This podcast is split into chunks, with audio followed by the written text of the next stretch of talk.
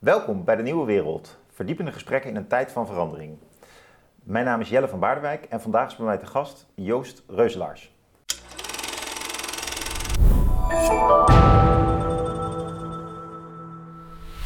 Joost, jij bent predikant en we gaan het hebben hier vandaag over het christendom, over de kerk, uh, over spiritualiteit.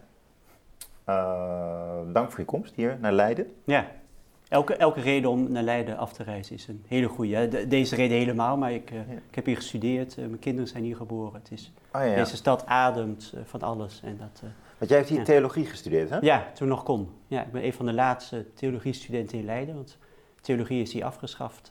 ja, helaas. Ja, ja, onbegrijpelijk. Dat de universiteit is opgericht vanwege theologie. Ja.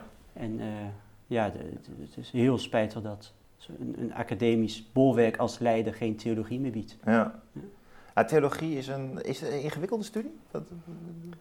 Ja, het ingewikkelde, de talen zijn ingewikkeld. Dus je moet in, in beginjaren Grieks, Latijn, als je geen gymnasium hebt gehad, en Hebreeuws doen. En dan nog een bijzondere vorm van Grieks, wat, van, vanwege het Nieuw Testament, Hellenistisch Grieks. Dus de eerste jaren zijn pittig, een beetje droog ook. Je bent vooral bezig met die talen. Als je daar eenmaal ja, door bent, dan valt het heel erg mee. Oh ja, ja. ja, Maar die taal, je ziet ook dat veel mensen afhaken aan het begin. Dus dat is toch wel iets waar je door moet komen. Mm. Pittige tentamens ook. Uh, heb jij het ook gestudeerd omdat je predikant wilde worden? Nee, volstrekt niet. Nee. nee ik ben uh, in het buitenland opgegroeid, in Zwitserland en daarna in West-Afrika. Islamitisch land en ik zat bij de Jezuïeten op school protestantse achtergrond zelf. Dus altijd bezig met religie. En toen dacht ik, god, dan religie, daar wil ik graag eh, meer over weten. Gewoon meer sociologisch, uh, uit interesse voor wat het doet, uh, wat het betekent voor mensen. En daarom ben ik theologie gaan doen. Aan het einde van theologie heb ik gesolliciteerd voor het klasje uh, van buitenlandse zaken. Ik wou, net als mijn ouders toch weer graag naar het buitenland. Dat ook weer, ben ik voor afgewezen. En toen zei op een gegeven moment een, vriend van mij theologie zonder kerkelijke opleiding, hè, want dat is wat je daarna doet. Is een beetje als een basisarts zonder specialisatie, dan ben je eigenlijk ja. niet zoveel. En, uh, dus doe dat maar erbij. En dat heb ik gedaan. Uh, nog twee jaar extra is dat na theologie. En dat beviel zo dat ik uiteindelijk zo het predikantschap ben ingerold. Hm, ja, interessant. Is er aan jou een groot bestuurder uh, verloren gegaan? Omdat groot bestuurder? Ja, omdat je niet het klasje in kon van Buitenlandse Zaken? Nou, ik denk dat het voor het klasje wel goed was geweest. Uh, nou, ik weet niet, maar, maar, een theoloog denk ik, dat was heel goed geweest als die ook uh, in dat klasje aanwezig was geweest. We hebben het heel vaak over diversiteit, hè, dan hebben we daar meteen beelden bij. Maar bij diversiteit wordt volgens mij ook een theoloog en iemand die snapt uh, een land als Iran of als, nou ja, je kunt uh, ja. Ierland, talloze landen waar conflicten theologisch zijn, waar de grootste drijfveren theologisch zijn. En, en waar je volgens mij een groep diplomaten hebt die daar geen benul van heeft. Dus om daar één theoloog tussen te hebben, lijkt me hm. dit opent van diversiteit, maar ook verrijking en diepgang. Ja. Lijkt mij heel, heel nuttig. Ja, een diplomaat. Maar het werd toch dus uh, uh, de kerk. Ja. Uh, nu weet ik natuurlijk wel zelf ook wel van wat, wat er nou gebeurt in een kerk, vooral op zondag. Maar wat doet een predikant nou door de week? Ja, er is een boekje verschenen een paar jaar geleden van een collega van mij, Nico Telinde, over het predikantschap. En dat heet Alleen maar vrije tijd. En dat is een beetje het beeld. nu mijn kinderen moesten ook eens vertellen wat, dat, dat ik predikant ben. En dat ging over wat dan predikant doet. Er was ook het beeld van op zondagochtend komt hij zijn bed uit en de rest van de week uh, doet hij eigenlijk niet zoveel. Ja. Dat hebben mijn kinderen uiteraard meteen ontkracht, dat beeld. Uh, en ik zelf ook. Maar ik vind het wel heel belangrijk dat die vrije tijd er is en dat ik zelf invulling geef aan mijn werkzaamheden. Ja. En dat is uh, zo, zo, divers en afwisselend mogelijk. Dat spreekt me ook enorm aan aan het, aan het beroep. Ik denk, de kern is mensen bezoeken. Dus ik, zo een van de weinige beroepen waar je zelf kunt uitnodigen dus bij mensen uit mijn eigen gemeente in Amsterdam, uh, waarvan ik denk, hey, die hebben behoefte aan een gesprek over zingeving, over spiritualiteit of in alle vertrouwen over wat hen bezighoudt. Dus dat is heel belangrijk.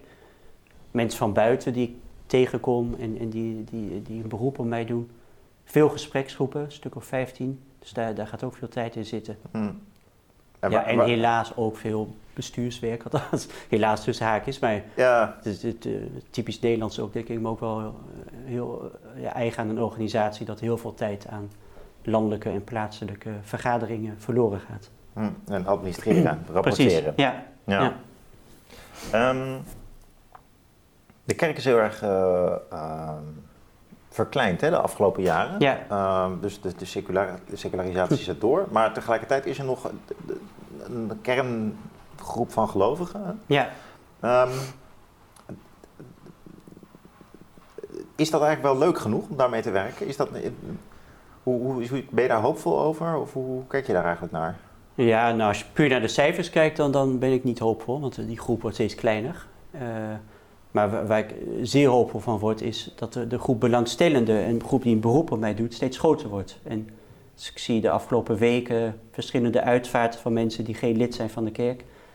Ik eh, doop veel, ik eh, trouw veel, maar die mensen komen niet op zondag in de kerk, zullen ook geen lid worden, maar voelen zich wel verbonden met het christendom, eh, de, de wijze waarop wij christen zijn. Ja, ja. Dus ja, ik denk ook wel een beweging die je ziet bij vakbonden, politieke partijen. Mensen worden geen lid meer.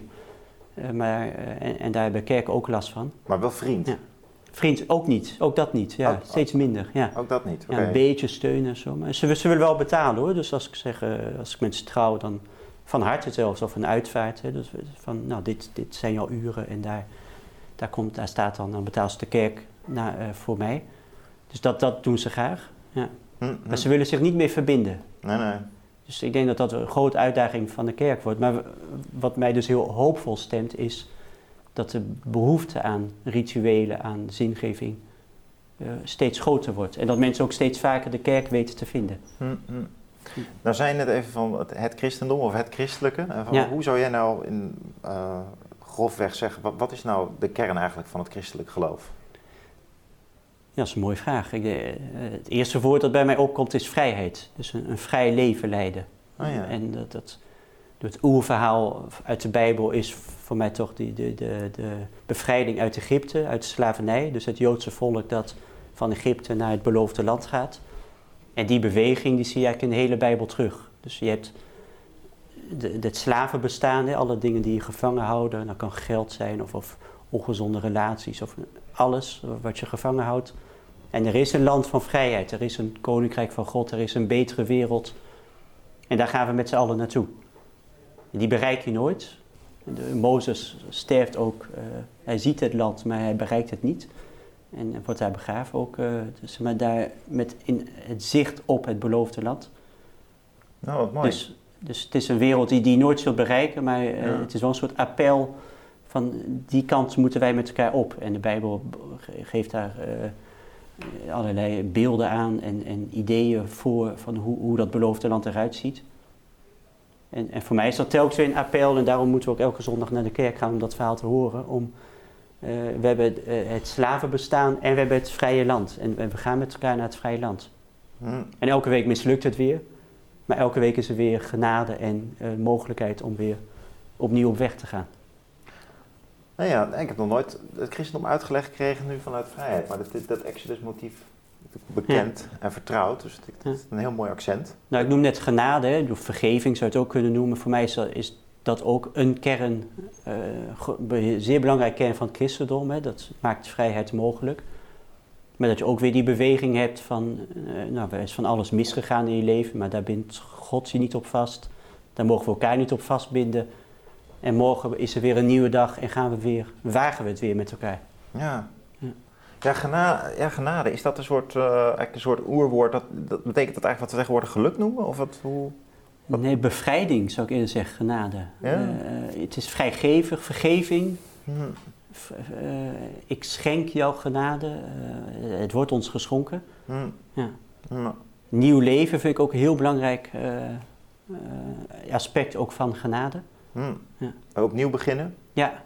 Ja, voor mij is het zo'n belangrijk woord. Het, is- het is een beetje een spruitjeslucht en een beetje... Het heeft een negatief imago gekregen, genade, zwaar. Maar waar het echt voor staat is voor mij, voor mij persoonlijk en, en, en mijn eigen leven echt van cruciaal belang. Hm. Is, jouw, is jouw be- beeld van eh, dat geloof ook veranderd door de tijd heen? Om om nog een klein beetje nog toe te lichten. Ehm, ik heb hier een gesprek gehad met Karel van Schaik. Dat is een primatoloog die kijkt naar de Bijbel vanaf, eh, vanaf de historische afstand. En die zegt eigenlijk bijvoorbeeld dat het verhaal van Mozes is typisch voor de opkomst van de landbouweconomie. Hm. Dat gebeurt al zo'n 10.000 jaar voor Christus. Ja. Eh, nou, in de eeuwen voor eh, de geboorte van Christus wordt dan ehm, de Bijbel geschreven, maar eigenlijk getuigt het Bijbelboek voor hem van de overgang van een tribale samenleving die meer met jagers en verzamelaars gestructureerd wordt, of een beetje een tussenvorm naar enige landbouw, naar de echte landbouw en grote steden wereld. Hè? En hij schetst ook hoe het godsbeeld verandert in die transitie. Ja. Dus eigenlijk van een sympathieke, alom, wezen, alom tegenwoordige God, ehm, die bijvoorbeeld ook nog in de natuur zit en Ehm, misschien zelfs meerdere gestalten heeft, naar eh, die ene God die een stuk strenger wordt ook. Ja. ja. Nou, dus God verandert, zegt hij. Hè? Uh, kun, je, kun je daar als theoloog op reflecteren en ook aan de hand van wat jij zelf, of, of jij zelf ook een soort veranderend beeld van, uh, ja. van dat geloof hebt? Nou, ik herken dat, dat, dat verandert godsbeeld sterk bij mensen die ik tegenkom. Allereerst, ik moet uitvaart een paar weken geleden van een van de man geleid. En, een paar weken voor zijn overlijden vroeg hij mij om, om bij hem te komen. Uh, in tranen. En ik, ken hem niet goed, maar hij was echt helemaal... Ik heb zoveel verkeerd gedaan in mijn leven. En, en straks dat oordeel, God staat op mij te wachten. En dat gaat helemaal mis. En nou ja, toen kwam dat, we hebben het net over hadden, genade, vergeving, daar hebben we het veel over gehad. En jezelf aanvaarden. Dus mm. je ziet wel dat zo'n godsbeeld, hoe beklemmend dat kan zijn voor mensen. En, en überhaupt hoe, hoe mensen daarmee worstelen en, en zich daar moeilijk een, een, verhouding. Dat woord God is ook een beetje besmet. Hè? Dat, uh, waar het voor staat, denk ik niet, maar het woord zelf wel. Ik denk, mijn eigen, uh, ik heb die ballast zelf niet meegekregen. Dus een uh, heel liberaal gezin kom ik vanuit. Dus daar was God eerder liefde, vergeving. Daar kon je je toe wenden in, in, voordat je ging slapen of als je het moeilijk had. Uh, dus wel vroom, maar uh, liberaal vroom. Hm, hm. En, en, dat godsbeeld is eigenlijk nooit veranderd. Het is wel, ik, durf, ik heb wel een soort coming out gehad over, wat betreft het spreken over God. Dat ik heel lang ook ben meegaan in dat, uh, ja, het vrijzinnige verhaal of het, de vrijzinnige sfeer in Nederland van, nou, religie, dat is allemaal niks en geloof ook allemaal niks. En, en, en, Iets wat je heimelijk thuis ja, precies. beoefend. Ja, als je nog een beetje onnozel wil zijn, dan, dan doe je dat maar achter je voordeur.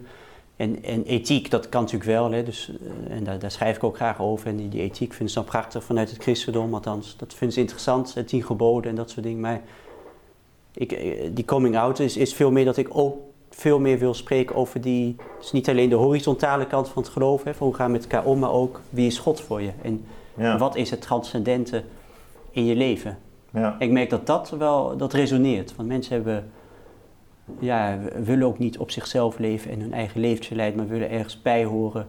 Het grote verband uh, ergens bij horen, maar als groep, maar ook denk breder van als mens uh, in relatie tot God, tot het hogere.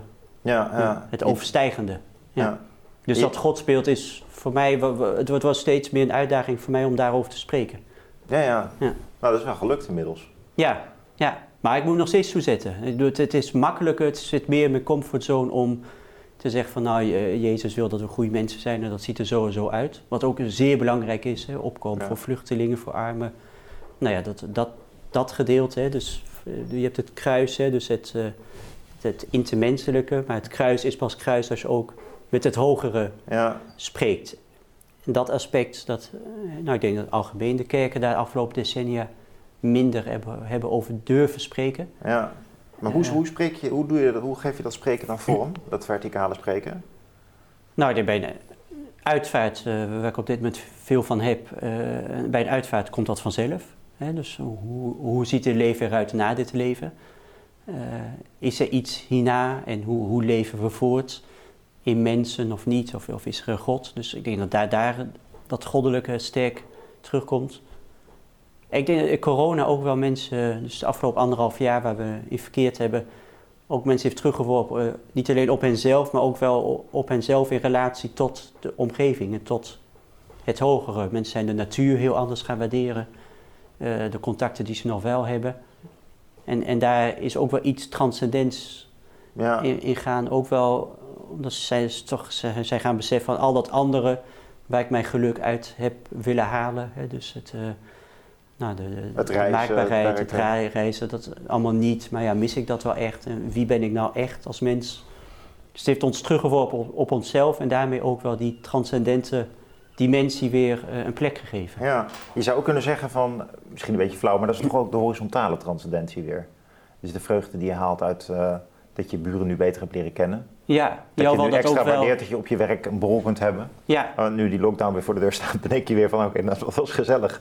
We Ja. gaan toch weer acht maanden terug in de tijd. We Ja. gaan weer die, eh, die lockdown in. maar, wel, Maar- daar zit denk ik ook wel iets, je kunt ook God ervaren in de ander. Dus dat dat, dat, ook wel het relationele overstijgt. Oh, dat vind ik wel mooi Denk gezegd. Ja. Dat je iemand ontmoet. En denkt van, dit, eh, in het gelaat van de ander, daar, daar, daar is God. Hè? Dus een- de, Emmanuel Levinas heeft daar veel over geschreven, Joodse Frans filosoof. Maar in het gesprek kan het gebeuren dat God zich openbaart. Dus in het gelaat van de ander openbaart God zich. En is dat een soort, eh, ik heb dat zelf als dat ik iemand ontmoet, dan, dan, dan is er een soort klik of een soort energie, bedoel je dat? Of? Ja, denk ik, ja. ja. Ook vaak woordeloos. Ja, maar dat je elkaar toch ziet en elkaar even helemaal begrijpt en, en de, de, de pijn of het geluk van de ander voelt. Mm. Een soort hele diepe verbinding. En als je het beschrijft, is het ook weer weg. Maar heel even heb je iets van, nou, dit is, hier Ja. zijn we één. Ja. Ja. Dit is sterker dan wij met z'n twee samen. Ja. Eh, ben je ook iemand die veel bidt? Of, eh, Ja, ja ik probeer eh, daar meer systematie in, te- in te brengen. Is mij dat, dat we voor het slapen gaan eh, en eh, s ochtends. Doe Dat is, is theorie, dus mij, ik, merk wel dat ik er rustiger van ga slapen als ik het doe. hm. Eh, en ik bid heel vaak tussendoor. Van ja. God wees me bij of God wees... Of, of als ik iets, een vreselijk verhaal lees of hoor, dan denk ik... Wees die persoon toch nabij. Ah ja, dan doe je een soort appel aan hem. Ja, ja. Op mezelf en op, en op God. Of Ja. op God en op mezelf. Ja. Ja. ja. En durf je dat dan ook persoonlijk te maken? Dat, die, dat het echt om jou gaat? Of, of... Ja, ook wel. Ja, op spannende momenten van, nou God, ik heb u echt, ik heb u echt nodig nu. Ah, ik ja. heb, eh, he- wees mij nabij. Ja. Ja. durf je, dan, durf je dan wel vooruit te komen, dus ten opzichte van God. Dat je het ja, spannend vindt. En dat ja. En in het begin ook wel, het heeft me erg geholpen met, met, met, ik heb twee jonge kinderen, of eh, acht en negen nu. Maar toen ze klein waren en voor het eerst op de fiets en, en naar school. En überhaupt elke nacht ze, ze loslaten en de nacht in laten gaan. Nou, die enorme angst die ik dan kan voelen. Mm. Dat is zo'n klein wezentje dat eigenlijk veel belangrijker is dan, dan, dan ikzelf. En, en ze dat zo kwetsbaar maakt. En van, God, wees vannacht, Ah, houd ja. de wacht over hen. Hm. Ja, dat, dat, dat heeft mij enorm geholpen. Ja. En Ja. ook om het los te laten. Hm. En als je nu over doorvraagt, dan eh, uiteraard, ik weet niet of dat heel veel impact eh, zou hebben en of er nou veel verandert. Maar toch, op dat moment voel ik van, nou, ik voel me nu ge- geborgen. En wat er ook gebeurt, wij, wij behoren God toe. Het is een soort aandacht die je opbrengt voor de, de religieuze kant van het leven. Ja, ja, ja. En eh, überhaupt denk ik dat je niet in de hand hebt. En denk van, maar wat er ook gebeurt, wij, eh, wij worden gedragen. Ja. Je, had het, nee, je roerde net wel even dat grote thema aan van wat is er na het leven? Hè? Of wat is eigenlijk de betekenis van de dood? Ja, En de eh, eindevaluatie van het leven, die veel mensen wel voelen. ja, Ehm, kun je daar nog wat meer over vertellen? Dus er zijn, er zijn denk ik veel mensen die het, ehm, toch het vermoeden hebben van een nou, eindoordeel is streng gezegd, maar ja, soort dat iemand toch voor jou verzamelt wat nou gebeurd is en hoe je nou geworden bent, ja, wie je bent en ook Ja. welk- misschien welke schade je hebt aangericht. ja, En dat dat toch op de een of andere manier eh, op je bordje ligt dan. ja, ja, Voor- eh, Bij het laatste avondmaal. Ja. Je denkt van, Ja. Ja, ja, de- goh, wat heb ik eigenlijk allemaal gedaan of zo. Hè? Dat iemand je helpt om... ja, een soort balans. Of Ja. niet van eh, goed. Ja. Dat is een idee wat natuurlijk al bij de Egyptenaren speelt. Ja, en Plato klopt. aan het eind van de staat. Eh, Ja. Het is volgens mij oorspronkelijk een Egyptisch idee. ja, De ja, god maat die dan eh, je de maat neemt. ja, ja, Eh, ja, van- hoe, hoe kijk je daar christelijk naar? Van, ook, ook vanuit het idee van dat het toch intuïtief heel streng voelt. ja, ja, maar ook, ja, ook wel weer daardoor het geweten misschien ook dat borgt in het leven. Klopt, Dat je ja. steeds het gevoel hebt dat dingen wel opgeslagen Dingen Ja. worden wel gedownload. ja, nee, zeker. Ja. Nou, ik denk je verschillende lagen van voor te leven. En, en bij de uitvaart die ik doe, heel veel remonstranten, die, waar ik begrafenisdienst van leid, eh, hebben helemaal niet zoveel met, met, eh, met, een, eh, met een leven na dit leven. Maar iedereen heeft wel iets met het voor te leven in anderen. Hm. Dus in je kinderen, je kleinkinderen, dus in, in het geweten van anderen, in hun levensdurf. Daarin ga ik door. Dus het houdt daarmee niet op. Maar wie ik ten diepste ben, dat is. Ja, En dat hoor ik ook wel. Hè, van, eh, ik, ik draag mijn grootvader met me mee. En dan bepaalde waarden, een appel. Dus je hebt die laag, denk ik, en je hebt, je hebt totaal drie lagen. En je hebt de tweede laag, dat is de natuur. Dat toch wel, dan denk ik ook wel fysiek. Je wordt begraven, gecremeerd en je gaat daarin door. Je wordt opgenomen in dat grote geheel van nu een prachtig najaar, eh, waar alles doodgaat en waar alles toch weer opbloeit. Hè? Dus een beetje het eh, Ja. Spinoza-godsbeeld van God is in allen en wij worden daarin opgenomen. En er is die derde laag, ja, daar, daar weet ik eigenlijk het minst over, maar dat is misschien wel het meest wezenlijke. Dat is toch dat je, ja, je ziel misschien, of, eh, om daar maar een woord aan te geven, maar dat dat, dat van eeuwigheidswaarde is. Dat er iets is in ons dat wordt opgenomen in het licht of in een groter geheel. Hm. En daar kan, dat, dat, dat vind ik heel lastig om daar. Ik, ik had een paar maanden geleden een, een vrouw belde me op. Ik ken haar niet en die kwam en die zei eh, eh, die- van die derde laag, hè, dus die ziel voortleeft, daar geloof ik heilig in en daar moet jij iets over vertellen. Ik zei, ja, wat moet ik dan over vertellen? Ik zei, ja, dat weet ik ook niet. Maar wel dat het er is. Dus nou, dat, dat is ook heel lastig. Het is ook een vrij korte preek, maar, maar wel, eh, wel wezenlijk. Maar, en iedereen snapte meteen waar ik het over had. Dus hoef je ook verder weinig woorden aan, aan te besteden. Ja. Maar ik denk wel dat, dat die ziel voortleeft. En, ja, je, noemde net een laatste oordeel. En dat, dat, dat is mij te menselijk gedacht. Ik kan, kan, ik kan me niet voorstellen dat dat allemaal aanwezig is. Dus het, wordt toch een soort opgenomen worden in een geheel. Ik geloof ook niet in een reunie. Dus dat je elkaar weer terugziet, dat kan me niet voorstellen. Maar, maar toch iets van ons wat God is, wat, van, wat ons overstijgt, dat, dat ook in ons is. Dat dat weer teruggaat naar een, een bron, naar God. Nou, ook als je die verbinding in je leven zelf niet legt. Want ik heb wel, toch in, de, in, in het christelijke wereldbeeld is het toch van, je, je, je, je, je komt van God, maar het is wel de bedoeling dat je ook daar ontvankelijk voor wordt om Ja. weer terug te keren. Dus je moet verzelfstandigen. Ja, Eh, dat is, wat is die ook, die bevrijding. ja, Maar er is ook toch die terugkeer. Daar, daar, er zijn natuurlijk ook veel mythes over. Van dat je dan net, desnoods net voordat je sterft. Maar op enig moment moet je wel erkennen dat je een Ja. eh, ki- kind van God bent. Maar Ja. is dat nou zo eigenlijk? Nee, ik vind het weer te, te menselijk gedacht. En, eh, het, is- het zou fijn zijn voor mijn boodschap, mijn unique selling point als kerk, om dat eens te benadrukken. Want de mensen kennen die angst. Maar nee, ik, ik, ik vind het allemaal zo menselijk. En? Ik snap dat we allemaal beelden hebben. En ik, eh, Mm. je hebt hier in- Leiden, in Lakenhal, een prachtig schilderij, het laatste oordeel.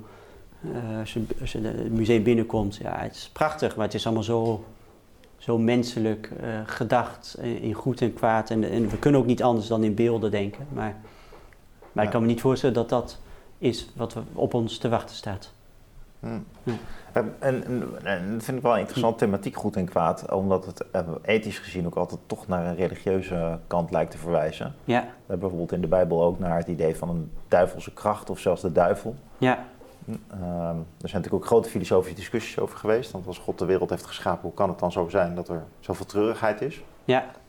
Ehm, maar jij zou dus ook niet zeggen van dat, eh, of goed en kwaad vind jij menselijke categorieën. Dat zou, je, ja. Zou je niet terugzien aan de hemel. Nee, ik denk niet dat een duivel op, op een aantal van ons staat te wachten. Dat kan, kan me niet voorstellen. En Nee. de afwezigheid van een soort eh, spirituele of ethische oriëntatie, kun je dat dan zien als een... In je kwaad, leven? is, kwaad is de afwezigheid van het goede? Ja, maar nog wel wat, wat meer, denk ik. Is wel, wel, nou, je hebt de, de, de, de oude Heidelbergs catechismus. We zijn ook geneigd tot kwaad. Dat is natuurlijk heel zwaar, maar dat denk ik wel. Ik denk wel dat is iets... Ja, nee, ik zie het ook wel aan kinderen. Je moet ook wel het goede aanleren. Ik weet niet of we per definitie goed zijn. Helemaal niet, denk ik. Door kinderen op, eh, ja, de jongste leeftijd slaan elkaar en pakken dingen van elkaar af en zeggen nee, dat moet je niet doen. Je moet lief zijn voor elkaar. Dus we moeten elkaar ook dat goede aanleren. Hmm, Ik weet niet of dat goede nou per se zo- zo sterk in ons is. Dat is interessant, want het is heel erg in de mode geraakt nu door het boek van Rutger Brechtman onder andere. Om te denken, de mens is van nature goed. Ja, ik geloof niks van. Nee, nee. Nee. En, en, nee dat, we hebben echt religie, filosofie nodig om dat goede te ontwikkelen. En, en, oh, en, en daarin ook een opvoedende taak. Dus ik geloof, ik ben, ik ben zelf ook op, op Frans scholen geweest, maar bedoel, als ouders het niet kunnen, en, en veel ouders kunnen het niet, maar dan, moet toch de school die taak op zich nemen. Van dit, zo gaan wij met elkaar om. Ja, is het, is het Ja. Frans onderwijs meer gericht op eh, Veel meer. houding? Ja. Respect al, hè? Daar, daar begint het mee. Dus eh, als de, de, de juf binnenkomt of de leerkracht, dan ga je staan. En het is u. Is dat nog steeds zo? Ja, althans, twintig jaar geleden, toen ik er was wel. Ja. Mm, mm, mm. Oh ja, Ik heb kan. dat nooit als iets vervelends. eh, doe je, je, je groeit erin op. En, en daardoor heb je wel een soort respect voor, voor, de, voor de macht, voor, voor politie op straat, voor leerkrachten, voor, nou, voor, voor- eigenlijk überhaupt voor een mens. Dus dat hele egalitaire wat je vooral in Nederland ziet, ik weet niet of, of daar nou heel veel beter van worden. Jij hebt, je hebt veel ervaring gedaan, opgedaan, ook theologisch gesproken, over, eh, als predikant in Engeland. Ja. Je hebt dus gestudeerd in Frankrijk, voor een deel Genève, dan zit je toch eh, alweer aan de Zwitserse Ja. kant in ieder geval van eh, Frankrijk. Dus je, je kent wat verschillende landen. Ja, Zou je ook zeggen dat daar op een andere manier geloofd wordt in, in, in het christendom? Zo, want je, je bent wel verbonden aan de Remonstrantse kerk. Ja, dat is dat, is dat een internationale beweging eigenlijk? nee, nee, we hebben een kerk in Duitsland om historische redenen, maar we zijn ja, puur een Nederlandse kerk verder. Dus Ja. we hebben, al onze gemeenten zijn hier. Misschien eerst iets Ja. over die verschillende, of Ja. wat je dan vers- aan verschillende ervaringen hebt opgedaan in Engeland en Frankrijk. En dan pakken Ja. we dan daarna nog even door op dat remonstrant. Goed. Op wat nou dat remonstrants eigenlijk is. Ja. Nee, je zei net, ik, ik had ooit gesolliciteerd voor het klasje. Dat ben ik toen afgewezen. En toen ben ik predikant geworden, go- godzijdank. En, en ik ben wel een paar jaar in Engeland predikant geweest. Dus ik heb uiteindelijk toch nog wel mijn, mijn buitenlandervaring meegepikt. Het was de Nederlandse kerk in Londen. En ik ben inderdaad opgegroeid op, in Franstalige... Of eh, ja, net in, over de grens van Genève en in Senegal, maar op, op Franse scholen. En Engeland, Frankrijk zijn denk ik minder religieus als je kijkt naar de cijfers dan Nederland. En in Nederland gaan nog steeds een paar miljoen mensen elke zondag naar de kerk. En in Engeland is dat echt schrikbarend laag hoe weinig mensen op zondag naar de kerk gaan. Hm. Maar de kerk is, nou vooral in Engeland, overal aanwezig nog. En, en als er iets is, in het, in, we wonen in een dorp buiten Londen, de kerk was, was er altijd. De, de herdenkingen, dus zeg maar hun 4 mei, is ook vanuit de kerk, plaatselijk en landelijk. Hm. Als er een ramp is, dan is de kerk aanwezig. Is dat in Nederland minder, ja? Ik heb het idee dat zelfs bijvoorbeeld het culturele leven, zeker in het dorp, nog voor een belangrijk deel geschraagd wordt door kerken. Ja, het De gebouw film- misschien. De filmavonden. eh, Ja, een gebouw, maar het is niet zo dat op 4 mei eh, wordt niet de dominee gevraagd eh, en, en, om, om, iets te doen. En er worden ook geen gebeden gehouden, eh, voorgelezen. En hm. in Engeland zie je het op plaatselijk, maar ook eh, op landelijk, dat het parlement wordt nog steeds elke dag geopend met gebed. En ik zag, een paar weken geleden is een, een, een parlementslid tragisch vermoord in, in Engeland. En er was meteen een dienst in de kerk. En daar was iedereen bij. En er is ook helemaal geen vraag of dat nou Ja, vreemd is. Ik zie de, in- de staat en de kerk hangen daar ook meer samen, hè? ja, dat heb je natuurlijk ook de Anglikaanse kerk. Ja. Ja. Maar ik denk in Frankrijk, wat heel laïcité is, hè, dus scheiding kerk-staat. Maar dat toch wel de, de, de, de kerk daar veel meer een, een, een rol speelt in het leven van alle dag. En, en bij rituelen, hè, de doop, huwelijk, uitvaart, is toch wel gebruikelijk nog in de kerk. Maar dat er ook wel de, ligt er misschien ook wel aan de hiërarchie, maar dat, dat de kardinalen, de bisschoppen heel prominent aanwezig zijn. O- ook bij minder Ja. christelijke mensen. Ja, veel meer nog. Ja. En je hebt veel meer katholieke scholen, waar, waar ik ook op gezeten heb. Dus die link is daarmee duidelijk. Hm. Maar dat veel meer nog het leven van alle dag bepaalt. En in Engeland helemaal. Ik vond wel eens... Nou, ik merk als ik in Nederland zeg dat ik predikant ben, dan... Ja, een beetje excentriek. Mensen vinden het interessant. eh, Positief dan. Negatief is, vinden het raar. Hè? Of, of eh, van, eh, wat moet je daar nog? In Engeland was het eh, altijd uitstraling. En zo, de minister, ja, dan, dan hoor je erbij. Hm. Hm. En Dat, Dan krijg je nog Ja. gezag, ontzag.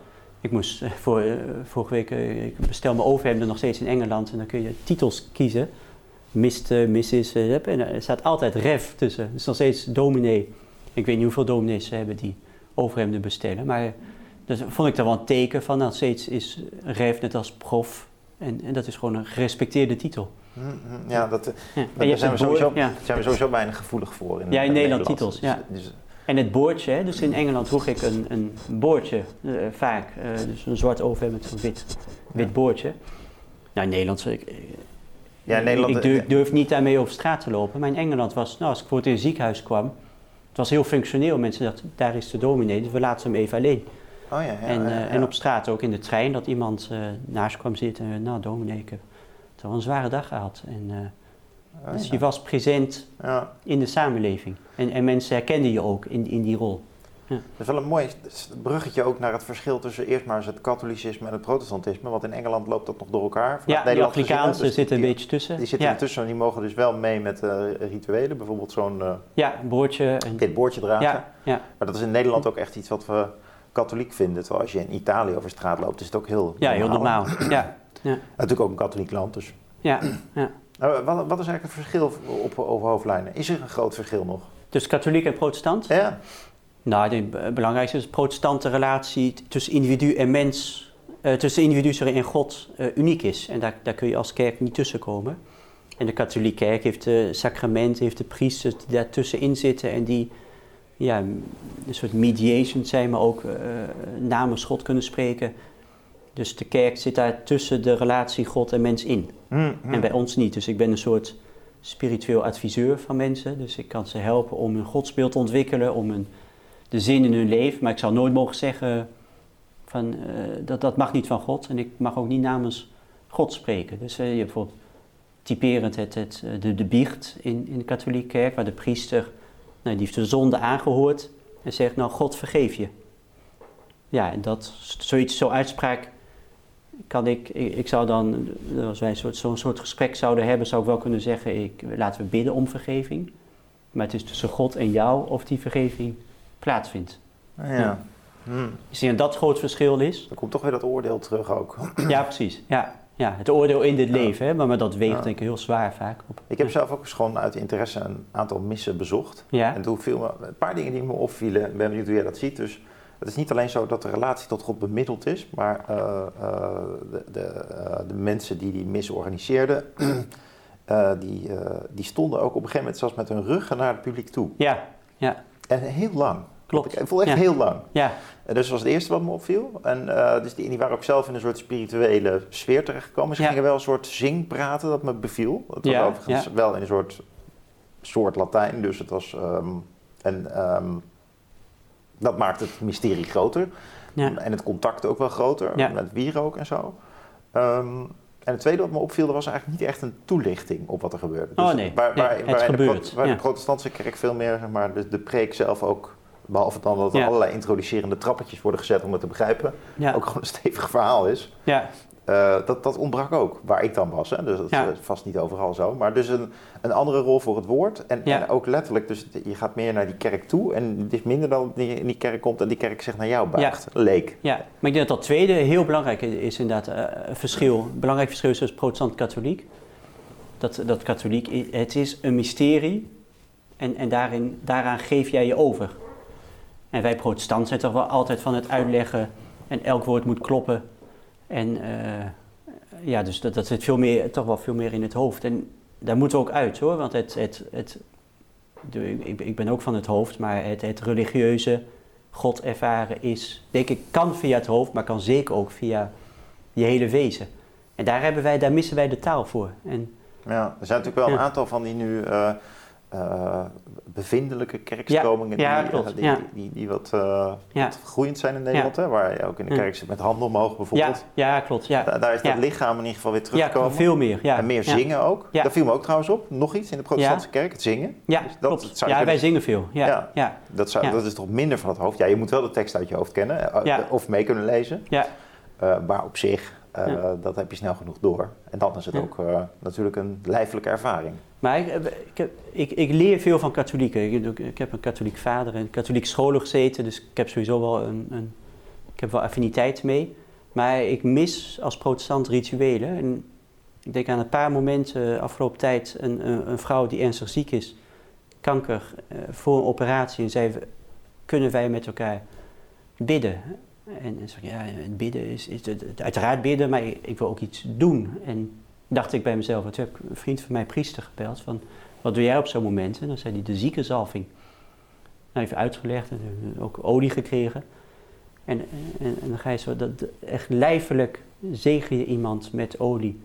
Het was zo prachtig. Ah ja. Ja, en dat, Ja. het gaf haar zoveel rust. En, en, eh, Hm. en ook eh, de, haar omgeving, vrienden, familie bij waren. Die, ja, was een heel, heel mooi moment. Eh, ik zalf ook nu bij doop. Dus doop is bij protestanten eigenlijk heel sec. Van, eh, ik doop je in de naam van de Vader, Zoon, Heilige Geest.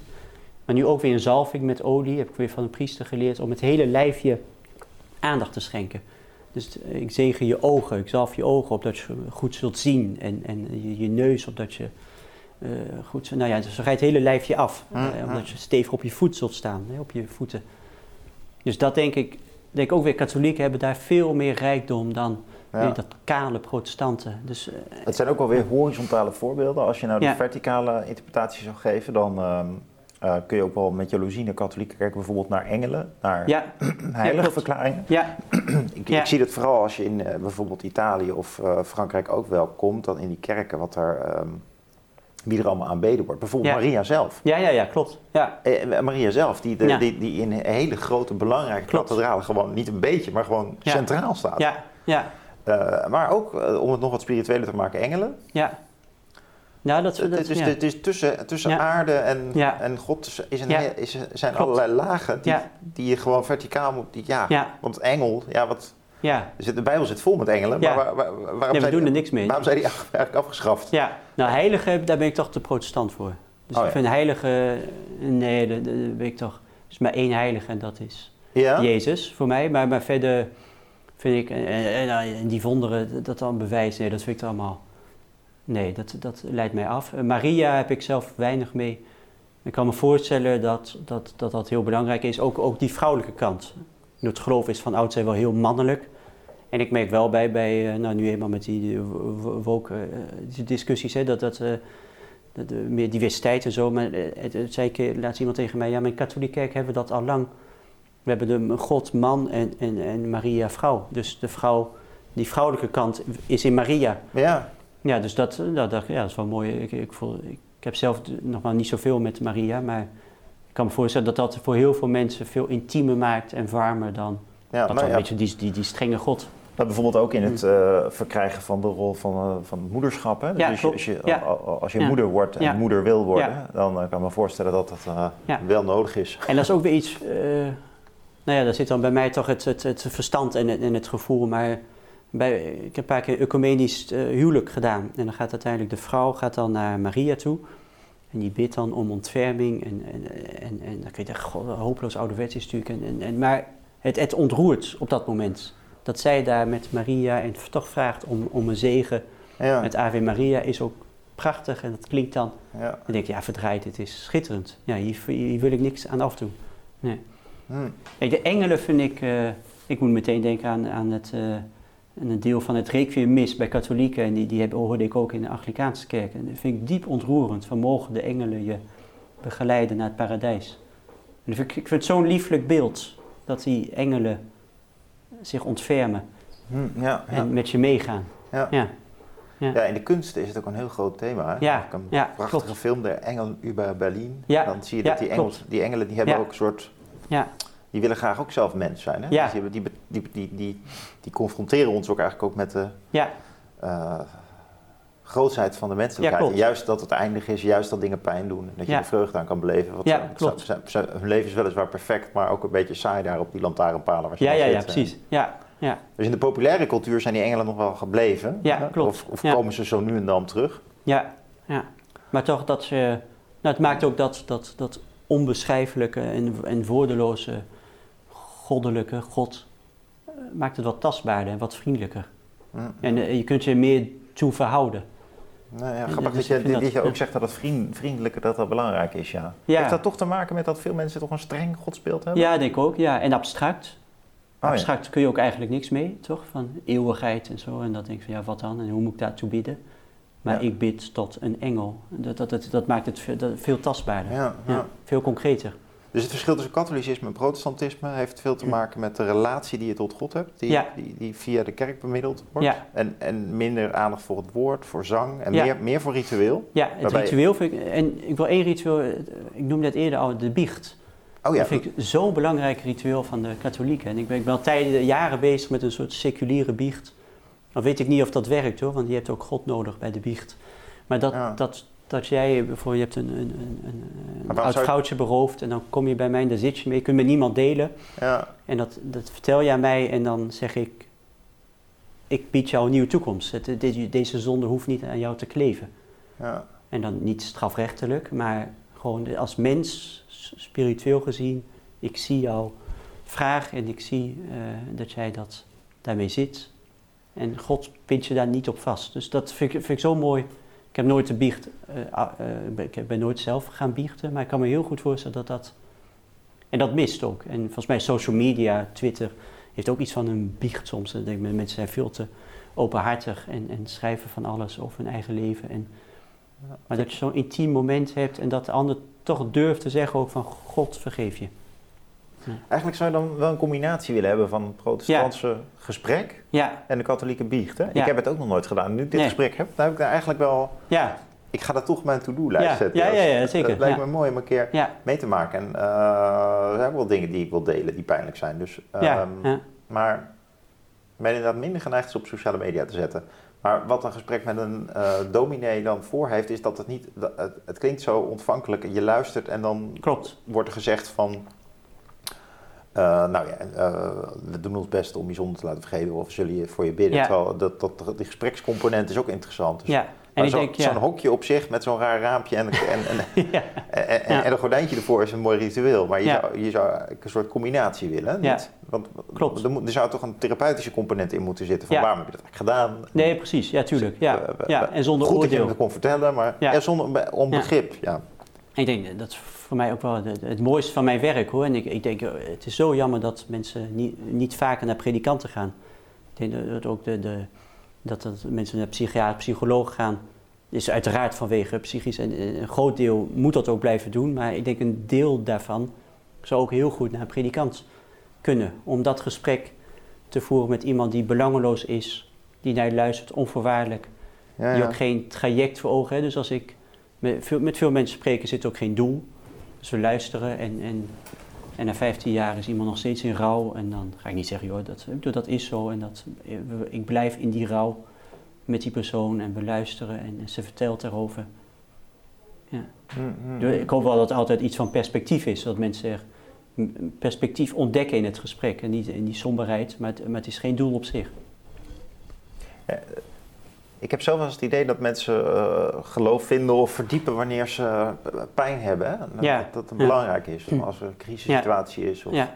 Maar ik denk ook kan wel klein dat... zijn hoor, of klein Ja. kan, kan het zelfs een burn-out zijn, maar het kan, kan Ja. zeker bij depressies of bij, bij heftige ongelukken. Ja, klopt. Dat, Maar daar zit ook God, denk ik. Dat, ik denk ook dat in die diepte, in die diepgang, diepte is ook het goddelijke te ervaren. Hm. Dus daar, daar zit ook wel een, eh, ja, denk als samenleven als geheel, denk ik als het minder gaat, dat je dan meer zoekt naar de zin, maar ook elk persoonlijk leven. Nou, het wordt pas echt interessant, even tussen haakjes, als er iets gebeurd is. En ja, mensen waar het altijd goed mee gaat, dat, dat, daar valt ook een min- minder interessante gesprekken mee te voeren. Hm. Dat is, eh, die, die gebrokenheid van het bestaan, die spreekt mij ook wel aan. Ja, ja. Als mensen... eh, ik vind ook wel, als je meer sociologisch kijkt, dat, nou, maar ik wil het ook verticaal houden. Maar kijk, als je ziet, de kerk is heel erg georiënteerd geraakt bijvoorbeeld op vluchtelingen. Op, Hm. Eigenlijk was Jezus zelf natuurlijk al vooral bezig met eh, figuren aan de rand van de samenleving. klopt. Ik zou bijna een beetje zeggen de sneuwe figuren. ja, en niet met nee, burgers of de elites. nee, Ja, klopt. dus, en, nee. en dat zie je nog steeds in de kerk. Een enorme focus op ehm, helpen. ja, klopt. En, Ja. eh, en, daar, en daarmee is het gewoon eh, kijk, om, om het eh, geslaagde leven te veredelen Ja, ja, en, en spiritueel diepte te geven, ja, heb je ook een kerk nodig, toch? ja. Dus de, dus, Nee, zeker. dus Ja. daar, maar het klopt wel wat je zegt, dat het natuurlijk het, af- het afgestompte normale leven kan ook heel saai. Zeker voor een, spirit- een spiritueel iemand kan het natuurlijk ook heel vlak overkomen. Want je, Ja. denkt van, je, je hebt gewoon je natje en je droogje en je probeert er wat van te maken. Ja. En wat, Maar, als, ja. als je natuurlijk een groot verlies hebt geleden of eh, die pijn Ja. voelt, ja dan, dan, dan heb je wel visioenen van Sint Sebastiaan, zeg maar. Dus Ja, ja, ja. eh, ja. maar hoe zie jij dat? Van, hoe, hoe zou die, hoe, die, is, klopt dat, die intuïtie van mij, dat die focus van de kerk ergens komen te liggen op het helpen van Ja. eh, sneuwe gevallen en het omgaan met Nee, leed? zeker. Ja, er te, wordt wel te bij, veel ja, focus klopt. ook. Ja, ja, te veel denk ik. En, maar ogenschijnlijk sneu. Hè? Dat, dat is, en dat is een beetje de, de valkuil.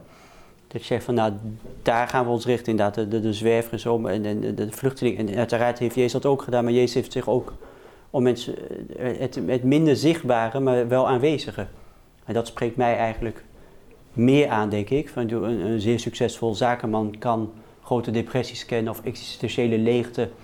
Hij zal daar niet mee te koop lopen, maar heeft die kant ook. Ja. En, en mensen die, de- de- ja, je moet wel eens een soort antenne hebben voor diepgang. Nee, maar dan kom je op een gegeven moment toch uit bij religieuze, theologische, spirituele vragen. een soort Ja. religieuze intuïtie. Ja, maar je, dat, ja, ik denk dat, dat, dat heel veel mensen die, die het goed hebben gedaan, juist ook, en waar het waarschijnlijk heel goed mee gaat, dat daar juist iets zit van, nou, dit, waar doe ik het voor? Of wat, Ja. Eh, en en, en eh, wat, wat is het leven mij waard? En, en, en, en opeens een ervaring hebben die, die, die, die, die als soort openbaring is. Dus daarvoor zijn. Dus Ja. ja, het, het is een beetje wat ogenschijnlijke. Maar ik, ik wil juist zijn ook voor die grote groep. Gewoon mensen waar die gewoon niet op straat lopen naar hun werk gaan. En waarvan dat is prima. Maar ondertussen toch in de nacht zitten met van, wat, wat, wat is dit toch? Ja.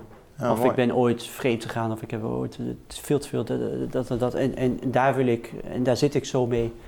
En, ja. Ja. Dat, dat doet mij denken aan een religieus begrip waar ik graag eh, van zou willen dat je je licht erover laat schijnen. eh, zonde. Ja, Hè, dus wat, eh, wat is nou precies een zonde?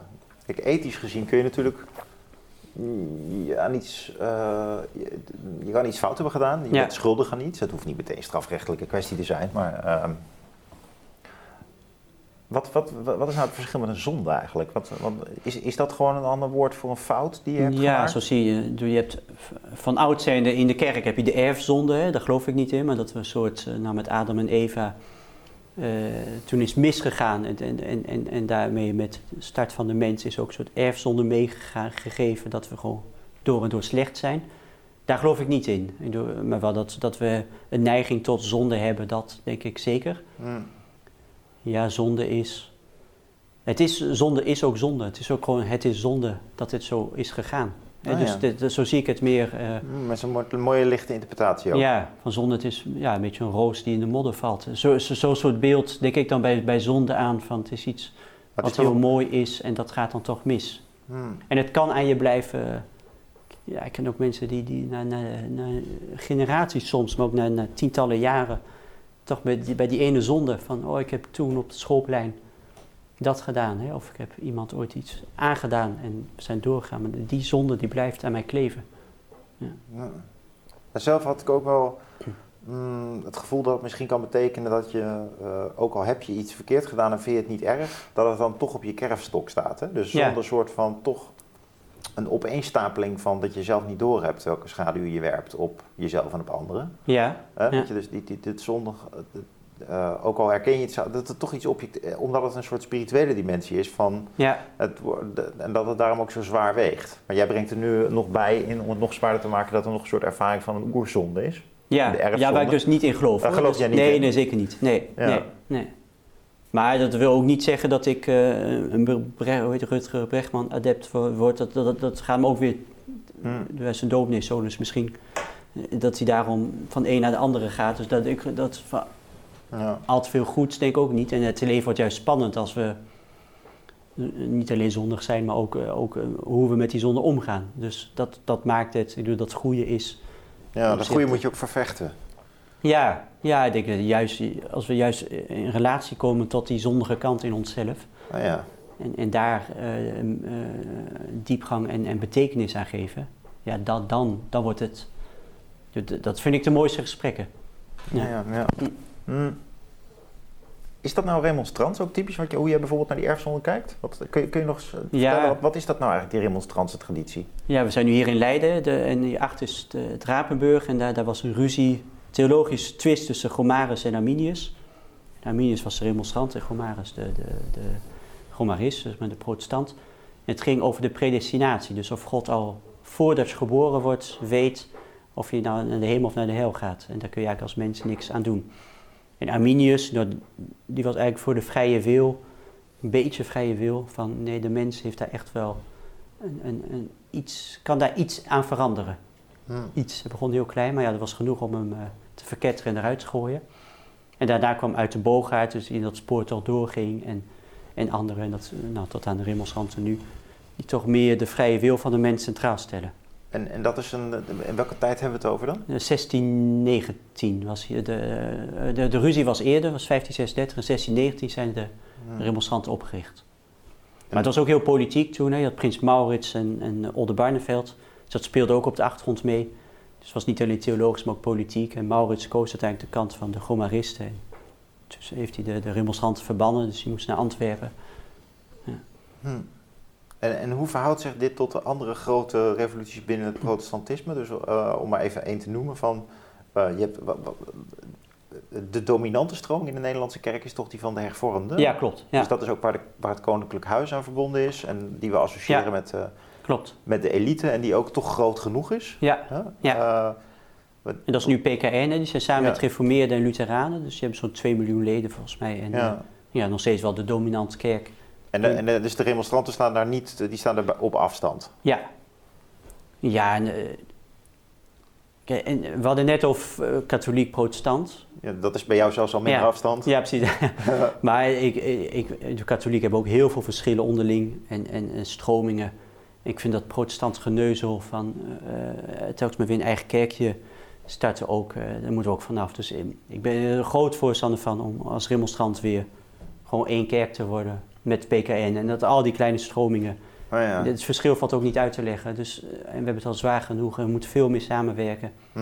En die verschillen zijn, zijn miniem. Die, die, die kan ik op straat niet uitleggen. Dus gewoon één kerk en lokaal.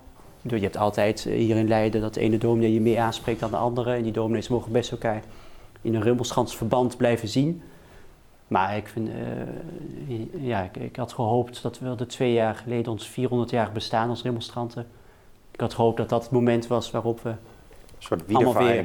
bij elkaar. Maar je merkt wel dat PKN, wel een deel van de PKN, dat het ja, de remonstranten toch nog steeds wel als problematisch ziet. Dus dat, dat leeft nog Ja. steeds wel. Dus dat, eh, Ja. Is het, het is misschien een beetje een vooroordeel opgepikt op straat hoor, maar de remonstranten zijn dat meer de, degene die nog flirten met kunst en, eh, en, en de Bijbel ook zien als een, eh, ja, als een literair werk. En, terwijl de meer hervormde en gereformeerde al helemaal gelovigen toch daarvoor eh, ja, te zichzelf te, te vroom zien. Ja. Terwijl, terwijl jullie, jij, jij zegt ook, ik ben ook vroom. Hè? Ja. Dus, nee, het is, het is eh, eh, ja, eh vroom en erudiet zijn remonstranten ooit genoemd eh, door iemand. Dat klopt ook wel. Dus dat eh, erudiete, dus als ik een paar gedichten noem en een paar verwijzingen naar kunst, dan vinden mensen dat prachtig in de kerk.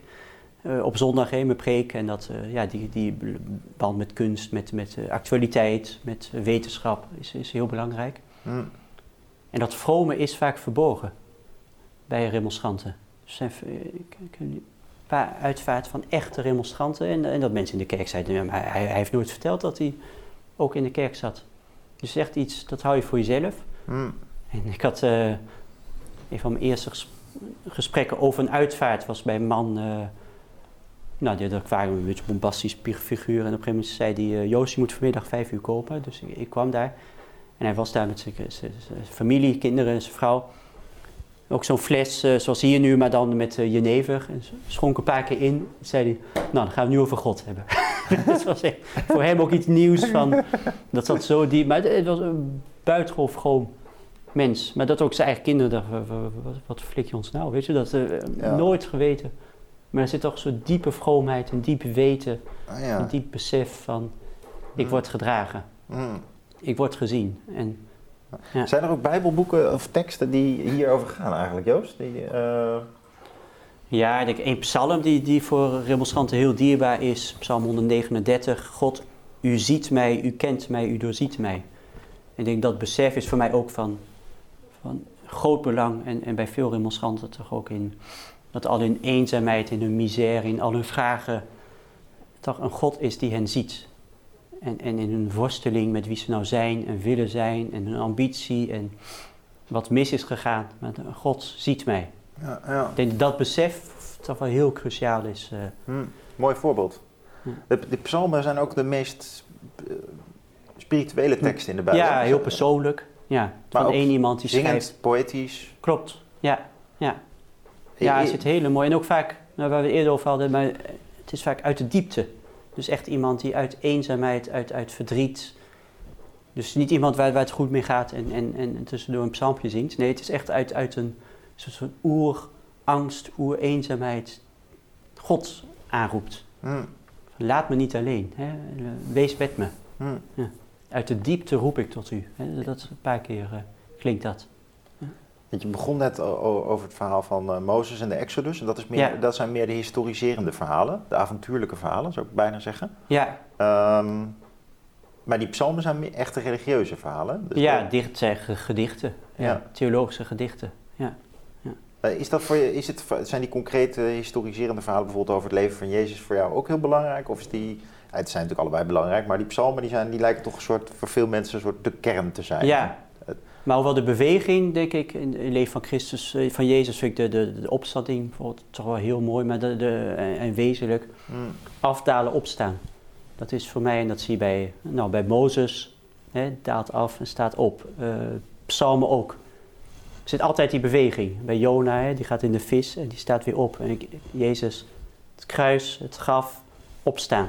En voor mij, dat, die beweging zie, zie ik eigenlijk in al die verhalen terug. En je hebt een zonde en daar zit je mee, maar er is vergeving. Dus, dus voor Ja. mij is die beweging wel. En dat zien van God, dat zorgt ook voor het opstaan weer. En is dit nou wat je nu, dus, wat je nu noemt, dus de genade, ervaring daarin en de aanvaarding van het Ja. leven dus in zijn, eh, zijn lente- en herfsttij? Ja, Eh, zijn, zijn dat nou dingen die bijvoorbeeld in, eh, in de islam bijvoorbeeld heel, al- heel anders zijn voor, voor, voor jouw gevoel? Of, of, eh, i- en het hoeft niet alleen maar de Ja. islam hoor, we kunnen ook andere religies Ja. Maar is dat iets universeels of denk je van nou, dat, wat ik ervan weet is dat ook wel weer, toch wel weer bijbels-christelijk juist? Want het zijn ook ja. oerervaringen hè? Ja. Ik denk, wel wat, wat voor mij, maar zo'n interpretatie grof zeg maar voor mij is, is toch die persoonlijke band met God. Mhm.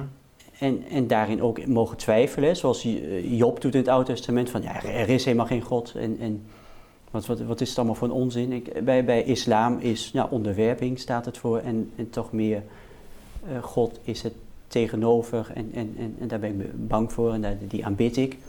Wat ook natuurlijk heel belangrijk is, maar voor mij is die persoonlijke band, eh, ja, en ook wat het mogen twijfelen, het mogen boos zijn op God. Ja. Ja, Oh ja.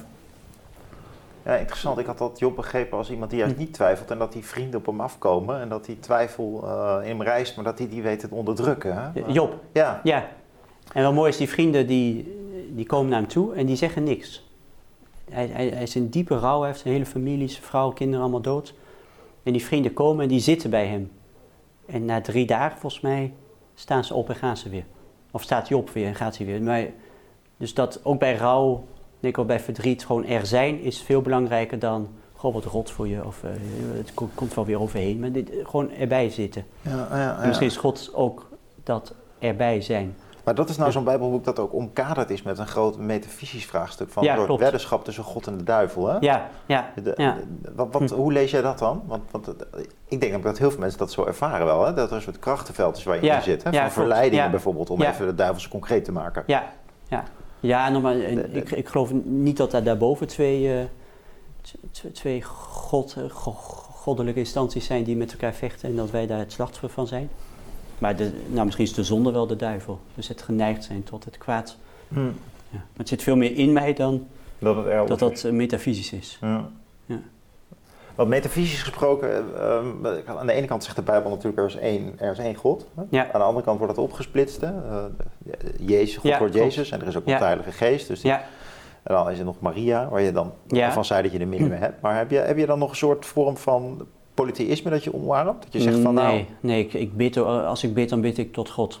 oké. En, eh, maar ik vind het wel belangrijk, wat net over heiligen. Er is één heilig voor mij, dat is Jezus. En da daarin eh, komt hij wel heel dicht bij God. Dus ik denk, als ik iets van over God wil weten, dan moet ik bij Jezus zijn. Dus daarin is, eh, ja, zijn, is, is, is Christus wel, Jezus wel heel dicht bij, bij God. Hm, hm, hm. Ja, de Heilige Geest is voor mij ook God. Dus- Maar dat maakt het weer, weer wat tastbaarder of, of alledaagser. Ja, Dat ja, is ja. toch, ja. Maar, maar ik, uiteindelijk ben ik die, die, die triniteit vind ik allemaal heel ingewikkeld. ja, ja. Met, ik, vind- het is gewoon één, één God. Dus wat dat, daarin ben ik weer moslim, maar die, ja. dat vind ik heel belangrijk. Ah. Ja. Tot slot, jij schrijft ook veel essays, hè? ook Ja. over heel veel wereldse thema's waar we het niet over gaan Mm. hebben. Ehm, eh, want daar moeten de mensen maar gewoon je essays voor lezen in eh, het Financiële Dagblad. Maar je houdt van taal, of je kunt goed Ja. schrijven in ieder geval, en eh, daaruit blijkt een liefde voor taal. De Bijbel is net opnieuw vertaald. Ja, En jij vertelde me ook dat je daar ook een adviserende rol in hebt gehad. Ja. Eh, kun je iets vertellen over het belang van zo'n vertaling en het belang van taal in, eh, in de gelover, geloofservaring zelf? Hoe je dat ziet? ja dat, eh, de, de- het is wel mooi dat, ik vind het gesprek heel boeiend om te zien over die, die vertaling. Hè. Dat, dat NEC gaf er vier ballen aan van de Ja. vijf en zei dat prachtig cultureel. Dus ik- toen dacht ik, oh ja, dat is toch weer een stap verder dan secularisatie, waarin alles wat christendom en kerk is eh, per definitie onnozel is. Nee, eh, het, het kreeg prominente plek, dus dat vond ik positief. Het is een vrij goede, spannende roman, zeg maar. Ja, precies. Ja. Maar toch eh, erkennen dat het gewoon echt een waanzinnig goed boek is. Dus da- daar begint het mee. Theologen maken allemaal ruzie over, vind ik ook allemaal perfect. Hè. De- het houdt het levendig en we mogen er nooit zijn. Dus er er zal nooit een, een uiteindelijke interpretatie zijn waarvan je denkt van nou, dit, dit is het. Dat kan niet. Dus die vertaling blijft altijd weer in ontwikkeling. Ja. wordt steeds beter en er valt uiteraard heel veel kritiek op te leveren. Terecht. En, eh, maar die mensen hebben ook eh, waanzinnig hun best gedaan en, en eh, nieuwe inzichten toegevoegd. En dus, dus dat is mooi. Ik, ik ga hem ook absoluut gebruiken. Met, met mijn eigen wijzigingen weer in. Want ik, ik denk dat hij nog steeds. Ja, is het niet zo dan dat, dat, dat, je diep, dat jouw eigen diepste geloofservaring toch dan meer zit, bijvoorbeeld in die, in die Franse vertaling waar je mee bent opgegroeid? Ja. Of, of gewoon een klassieke Nederlandse statenvertaling? Dat Ja, als nee, je dat, dat- leest, dat je dan... Nee, wel, wel vertrouwde woorden, vertrouwde zinnen. hmm, Waarvan ik denk, eh, nou met kerstverhaal helemaal. Hè. Als we straks kerst hebben, dan moet toch weer dat aloude verhaal klinken en niet, niet de nieuwe vertaling. Nee? Het Onze Vader bid ik in de oude vertaling. Dat is me gewoon zo vertrouwd. Welke vertaling is dat dan? 1951, volgens Oh, oké, mij. dus dat Ja. gaat- ja, ja, ja. En de staatsvertaling is ook, ja, is ook prachtig. eh. nee, is voor mij. Maar je, je noemde het belang van taal. En dat zit wel inderdaad dat elk woord van belang is. En voor bij, bij een uitvaart kan ik soms uren bezig zijn met twee zinnen. Bij het graf of bij dat soort momenten. Denk ik van hier moet elk woord eh, doordacht zijn, van betekenis zijn. En, en dat Ja. heb je dan ook uitgeschreven? Ja, ik schrijf alles uit. Ja, Ja, ja, Je, preekt, bij... je, je preekt niet voor de vuist weg op belangrijke momenten. Nee, en dat irriteert me ook. Eh, Ik vind ook eh, dat, die, die, beamercultuur ook verschrikkelijk. Dat eh, mensen lullen een beetje bij. En, en, en, maar de, de, de liefde voor het woord vind ik zo belangrijk. Ik je was, pakt het echt wetenschappelijk aan dan. ja, ja, ja, maar ook omdat ook, ik was een maand geleden vrije zondag en ik ging naar, gewoon naar, naar mijn eigen kerk. En die dominee die sprak zo vrij uit. En mensen, oh wat knap dat hij dat doet. Maar ik, eh, ja, ik, ik kan daar niet tegen. Ik denk, als je het had opgeschreven, dan was het veel minder geouwe geweest. En, en dit waren, waren zoveel clichés en je was op een gegeven moment de lijn kwijt. En ja, ik wil gewoon een goed verhaal horen. En ik wil Ja. weten, je begint daar en dat. En, en daar geniet ik van. Ik geniet ook echt van Ja. een, een doordacht Welk, welk bijbelboek, slotvragen, want we kunnen nog heel lang doorpraten, Ja. maar wel, welk bijbelboek is voor jou eh, ook in die zin inspirerend? Dat je denkt van ja, want ik vind veel bijbelboeken staan ook wel vol met gouden hoe eerlijk gezegd. Ja, zeker. Ja, ja. Een hele lange lijst Klopt. met, met, familiegeschiedenissen en, Ja, waar en je ook niks ook- mee kan, ook- bepaalde halfbakken spirituele ervaringen waar je dan denkt, ja, klopt. Ja, ja. Ja. is dit nou de, eh, Nee, klopt. de, de, de, de Maar wat is dan een bijbelboek wat ook in die zin voldoet voor jou aan... vind Prediker fantastisch. Het boek Prediker, omdat het zo erg de man is die, die, die, die eh, ja, worstelt met het bestaan, met de vragen van het bestaan. En ook niet met goedkope clichés komt. Dus hij neemt die vragen ernstig en dan gaat daarover in gesprek met en hij is ook een zichzelf. goed schrijver. Ja, schitterend. Ja, ik ga hem binnenkort weer. Dat is ook die Ja. man die ook weer schrijft over de... Ja, nou die over de tijden tijd- en, Ja, en, en wat is nou het tijd van voordeel van de van mens. Ja, precies. Ja. Wat is nou het voordeel van de mens, van al zijn gezwoeg, wat maakt het ook allemaal uit? Ja. Maar uiteindelijk komt hij bij het genieten. Zeg, als je kan genieten van het goede dat je verworven hebt of dat jou geschonken is, ja, dan, dat is een geschenk van God. Dat vind ik schitterend. Dus het is niet genieten, een beetje goedkoop genieten van eh, ik ga naar een festival en ik heb het leuk, maar uit die, die, die, eh, nou, weer, die, weer die beweging, maar uit die, die, die diepgangen, die vragen, dat overpeinzen en dat worstelen, toch opeens, en dat dan misschien genade, eh, komt er een moment van genieten. Ja, en die toch- moet je koesteren. Ja, dus een moment dat je even met je kinderen bent, of in de natuur, of Hmm. geniet van een mooi glas wijn, of, of in de kerk, of nou, wat dan ook. En dat voluit genieten, ja, dat is, dat is toch Dus- genade. Dus toch, jouw, geloof heeft toch ook wel iets van een opluchting of van het loslaten van de zwaarte dus. Ja, ja Maar dat- klopt. dat- Vergeving vind ik ook belangrijk. En, Maar dat Ja. komt natuurlijk ook omdat in het geloof het lijden ook zo ge- Klopt, zo'n ja. betekenisvolle Ja. volle plek heeft. Ja. Maar het ge- genieten en het geluk kan ook pas komen als je door die, die zwaarte heen gaat.